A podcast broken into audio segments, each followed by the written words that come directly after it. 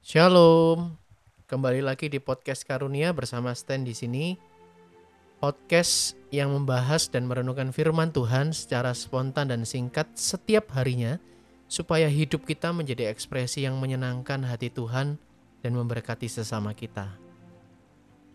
Teman-teman, hari ini kita mau ambil renungan firman dari Injil Lukas bab 13 ayat 1 sampai ayat 9. Pada waktu itu datanglah kepada Yesus beberapa orang membawa kabar tentang orang-orang Galilea yang darahnya dicampurkan Pilatus dengan darah korban yang mereka persembahkan. Yesus menjawab mereka, Sangkamu orang-orang Galilea ini lebih besar dosanya daripada dosa semua orang Galilea yang lain karena mereka mengalami nasib itu? Tidak, kataku kepadamu. Tetapi jikalau kamu tidak bertobat, kamu semua akan binasa atas cara demikian. Atau sangkamu ke-18 orang yang mati ditimpa menara dekat Siloam lebih besar kesalahannya daripada kesalahan semua orang lain yang diam di Yerusalem. Tidak, kataku kepadamu. Tetapi jikalau kamu tidak bertobat, kamu semua akan binasa atas cara demikian. Lalu Yesus mengatakan perumpamaan ini.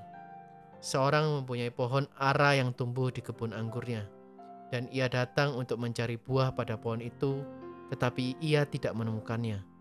Lalu ia berkata kepada pengurus kebun anggur itu, "Sudah tiga tahun aku datang mencari buah pada pohon ara ini, dan aku tidak menemukannya. Tebanglah pohon ini. Untuk apa ia hidup di tanah ini dengan percuma?" Jawab orang itu, "Tuan, biarkanlah dia tumbuh tahun ini lagi." Aku akan mencangkul tanah sekelilingnya dan memberi pupuk kepadanya. Mungkin tahun depan ia berbuah. Jika tidak, tebanglah dia. Demikianlah Injil Tuhan. Terpujilah Kristus.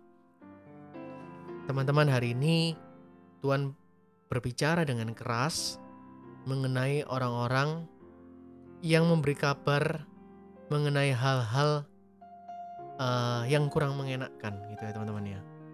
Dan mereka dengan seperti hal itu melakukan hal itu mereka itu dengan sengaja menunjukkan kepada Yesus bahwa ada orang-orang yang memang berdosa yang seolah-olah mereka justifikasi berdosa ya dan kemudian mereka juga bahkan uh, Yesus juga menambahkan bahwa fokusnya bukan mencari kesalahan orang lain atau menemukan hal-hal yang salah atau melaporkan hal-hal yang tidak lazim kepada Yesus. Tapi fokusnya adalah bagaimana kejadian-kejadian di sekitar kita yang mungkin tidak mengenakkan itu membuat kita itu semakin mendekat kepada Tuhan dan bertobat, teman-teman.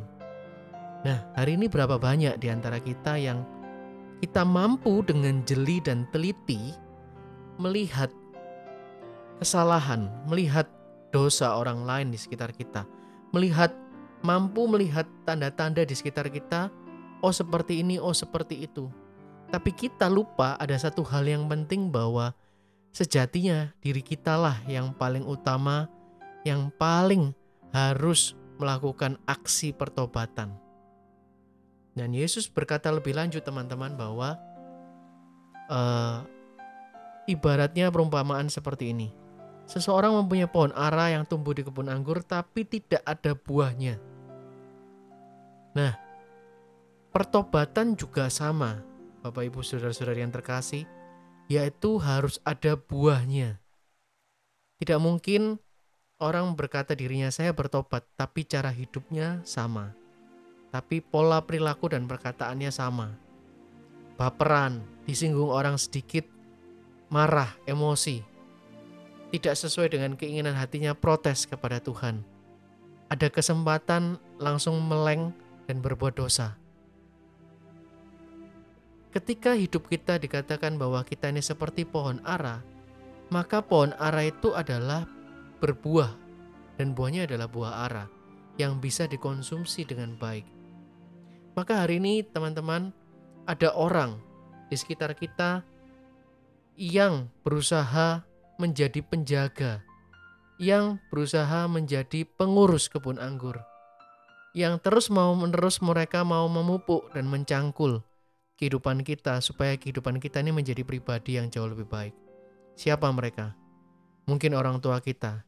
Siapa mereka? Mungkin pasangan kita yang terus berdoa buat kita, tidak pernah jemu-jemu. Mungkin anak-anak kita yang berdoa buat kita. Atau pengurus kebun anggur ini adalah kita, teman-teman. Kita diminta untuk tidak menyerah terhadap aksi dan buah dan proses pertobatan dari orang-orang yang kita doakan.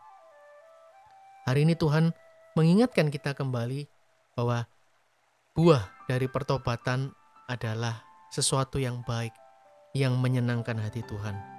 Kalau kita belum sampai di situ, teman-teman, kita masih berproses. Mintalah, carilah pengurus kebun anggur, orang-orang yang memberikan support kepada kita, atau jadilah pengurus kebun anggur yang baik, yang mencangkul tanah di sekelilingnya. Mencangkul ini artinya membolak-balik, teman-teman, memberikan sesuatu, memberikan perhatian, memberikan perenungan, mendoakan, memberi pupuk ini juga berarti memberikan per apa namanya uh, aksi kasih teman-teman. Mengasihi mengontak tanya kabar bagaimana orang tua kita bagaimana kalau sudah lama kita nggak jumpai dan kita menjadi pengurus kebun anggur yang baik siapa tahu aksi kita ini didengar dilihat oleh Tuhan sehingga Tuhan berkenan untuk memberkati sehingga Tuhan berkenan untuk memberikan dan mengabulkan buah pertobatan yang baik dalam kehidupan kita.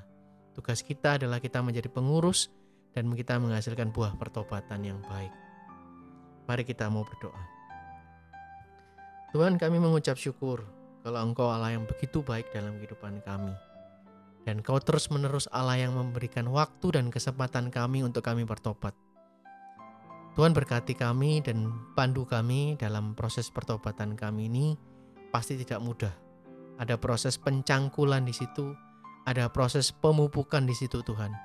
Bantu kami ketika kami sedang berproses ini, sehingga kami nggak putus asa dan kami mencari dan atau menjadi pengurus kebun anggur yang baik, sehingga pada akhirnya nanti tahun depan, suatu saat, besok, minggu depan, periode ke depannya Tuhan Engkau datang lagi kembali dan Engkau sudah mendapati buah pertobatan ada di dalam kehidupan kami.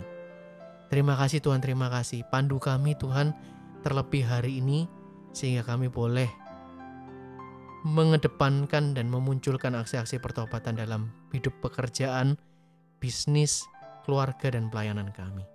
Doa-doa ini kami mau haturkan dengan pengantaran Yesus Kristus, Putramu yang terkasih Tuhan, dan Raja kami yang hidup dan memerintah, kini dan sepanjang segala masa. Amin. Terima kasih teman-teman, Tuhan Yesus memberkati. See you on the next episode.